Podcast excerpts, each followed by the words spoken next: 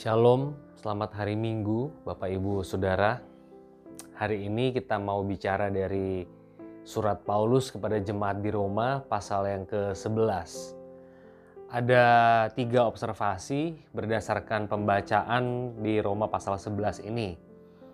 Yang pertama, saudara-saudara, pertanyaannya adalah apakah Tuhan itu meninggalkan Israel? Israel bangsa yang tegar tengkuk, yang menolak berita Injil, orang-orang Yahudi itu. Apakah sebetulnya Tuhan meninggalkan Israel dan beralih kepada bangsa-bangsa lain? Nah, Paulus mencoba menjawab ini atau menggumuli ini di Roma pasal 11. Ayat yang pertama saja.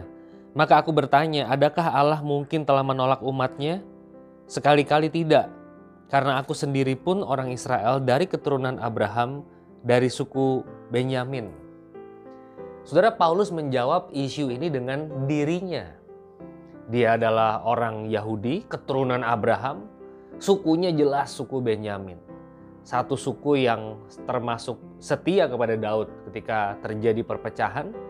Benyamin dan Yehuda itu menjadi satu, yaitu kerajaan Yehuda atau Israel Selatan. Paulus mau menjawab pertanyaan itu dengan mengatakan, "Loh ini buktinya ada aku. Aku diselamatkan. Aku tetap di dalam Tuhan. Tuhan tidak melupakan Israel. Ada aku kok buktinya. Aku yang tadinya orang Yahudi, penganiaya, pengikut jalan Tuhan, tapi sekarang aku memberitakan Injil Kristus. Kalau saudara baca terus ayat 1 sampai 6 ini juga sama. Saudara ingat dulu Elia uh, pernah merasa sendirian, kayaknya cuma dia dong yang benar. Elia depresi dalam pelayanan dan Tuhan mengatakan Elia masih ada 7000 orang loh. Peristiwa itu dikutip oleh Rasul Paulus di Roma pasal 11 ayat 1 sampai 6. Jadi poinnya Tuhan tidak meninggalkan umat pilihan yaitu Israel. Yang kedua, saudara, apakah Israel tidak akan bertobat sampai selama-lamanya? Apakah nanti di masa depan akan ada pertobatan? Saudara perhatikan ayat 12 dan 15. Sebab jika pelanggaran mereka berarti kekayaan bagi dunia dan kekurangan mereka kekayaan bagi bangsa-bangsa lain, terlebih-lebih lagi kesempurnaan mereka. Sebab jika penolakan mereka berarti perdamaian bagi dunia, dapatkah penerimaan mereka mempunyai arti lain daripada hidup dari antara orang mati? Saudara Paulus ingin mengatakan bahwa apabila penolakan Israel terhadap Injil itu membuka pintu Injil bagi bangsa-bangsa lain, kalau suatu hari kelak mereka bertobat, kesempurnaan mereka itu akan menghasilkan satu pertobatan yang lebih masif lagi di dalam dunia ini. Itu logikanya. Saya melihat saudara kalau pertanyaannya apakah di masa depan ada kemungkinan orang-orang Yahudi jadi pengikut Yesus Kristus, bukan hanya Yahweh. Kalau saya lihat dari Paulus di sini, jawabannya iya.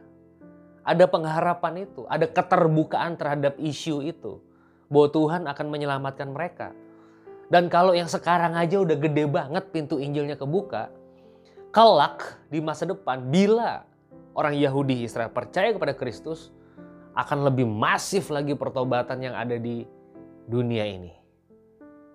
Ini poin yang kedua yang Paulus sampaikan di Roma pasal 11. Dan yang ketiga, saudara-saudara, ayat 17 sampai 25 saya nggak akan bacakan. Saudara Paulus hanya ingin mengatakan kamu itu orang-orang Israel, uh, orang orang-orang percaya non Yahudi, jangan sombong. Kamu itu cangkokan, cangkokan, jangan sombong. Kalau Allah tidak menyayangkan batang asli, yang cangkokan juga bisa dicabut, kata Rasul Paulus di ayat 17 sampai 25. Dengan kata lain Paulus mau mengatakan cangkokan kok sombong amat sih. Itu yang Paulus mau sampaikan. Saudara Paulus menutup Roma 11. Saya rasa saya tidak bisa skip ayat 33 sampai 36. Oh alangkah dalamnya kekayaan, hikmat, pengetahuan Allah.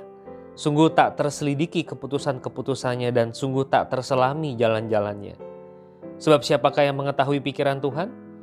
Siapakah yang pernah menjadi penasehatnya? Siapa yang pernah memberikan sesuatu kepadanya sehingga ia harus menggantikannya? Sebab segala sesuatu adalah dari dia, oleh dia, kepada dia. Bagi dialah kemuliaan sampai selama-lamanya. Saudara Paulus menulis dengan hikmat, dengan keyakinan, dengan pengharapan, menegur kita juga supaya kita nggak sombong. Sangat brilian menurut saya. Dan di dalam semua hikmat yang dia tuang di Roma 11, ujungnya dia menyimpulkan, oh betapa dalamnya hikmat Allah. Aku nggak pernah ngerti apakah Yahudi akan diselamatkan atau tidak. Tapi kalau sampai itu terjadi kata Paulus, kesempurnaan dunia ini akan lebih lebih banyak lagi orang yang percaya kepada Yesus Kristus.